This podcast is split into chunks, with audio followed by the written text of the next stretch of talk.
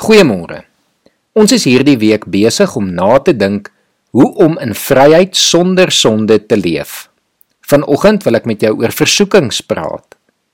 Elke mens sal versoek word en elke gelowige moet leer hoe om versoekings te hanteer.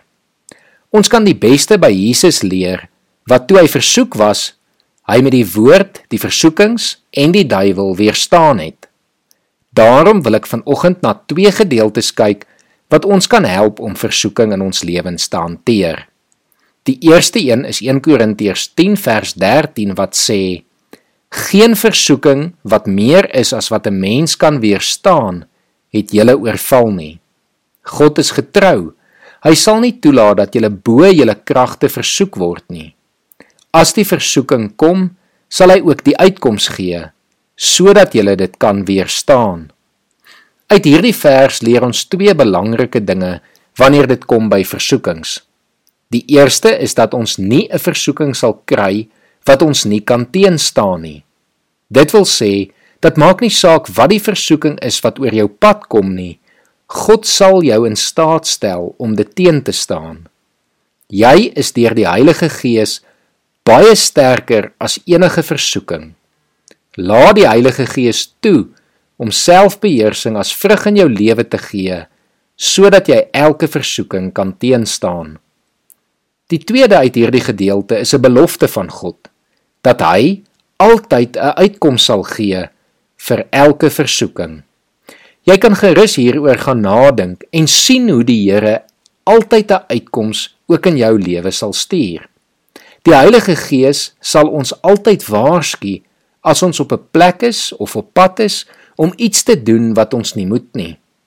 Eintlik kan ons nie sonde doen tensy ons die Heilige Gees se stem eers stil maak en selfbeheer van ons lewe en liggame neem nie.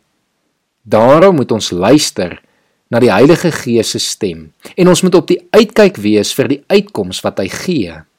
Dit is soms eenvoudige dinge soos die foon wat lui of iemand wat jou roep Of soms is dit die Gees wat in gesprek met jou tree en dan moet ons, sodra ons dit hoor, ook in gebed intree en dan sal die versoeking weggaan.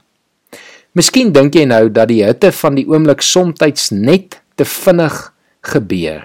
En nog voordat jy gedink het, het jy klaar jou hier meer verloor of iets gesê wat jy nie moet nie.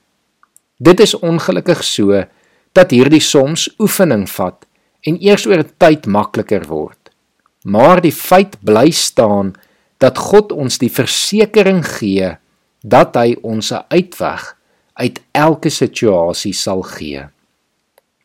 Die tweede gedeelte waarna ek vandag wil kyk is Jakobus 4 vers 7 en 8 wat sê: Onderwerp julle dan aan God, staan die duiwel te en hy sal van julle af wegvlug.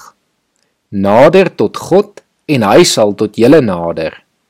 Was julle hande sondaars en reinig julle harte, heiligelaars. In hierdie gedeelte leer ons verder 'n paar dinge oor versoekings en hoe om dit te hanteer. Die eerste uit hierdie gedeelte is om onsself aan God te onderwerp. Ons kan nie in beheer wees nie, want dan gaan ons vir die versoekings in ons lewens val. Maar as ons onsself aan God onderwerp en aan hom die beheer van ons lewens gee, sal hy namens ons die versoekings teëstaan.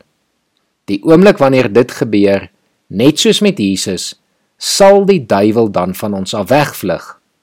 Dit gesê, is dit altyd belangrik om te onthou waar versoekings vandaan kom.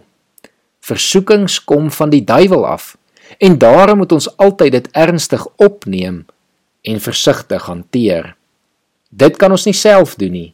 Daarom moet ons tot God nader en hy sal dan tot ons nader en namens ons intree. So kan elke mens versoekings in hulle lewe teëstaan en 'n heilige lewe voor God leef. Kom ons bid saam. Here ek wil vir elke mens wat op hierdie stadium met sondes worstel bid. En ek wil vra Here dat U hierdie goeie nuus vandag in hulle harte sal bevestig. Dat hulle sonde kan teëstaan, dat hulle versoekings kan oorkom. En Here dat dit alles moontlik is omdat U deur U Gees vir ons die krag wat ons nodig het gee. Here, dankie dat ons dit kan vra. Ek bid dit in Jesus se naam. Amen.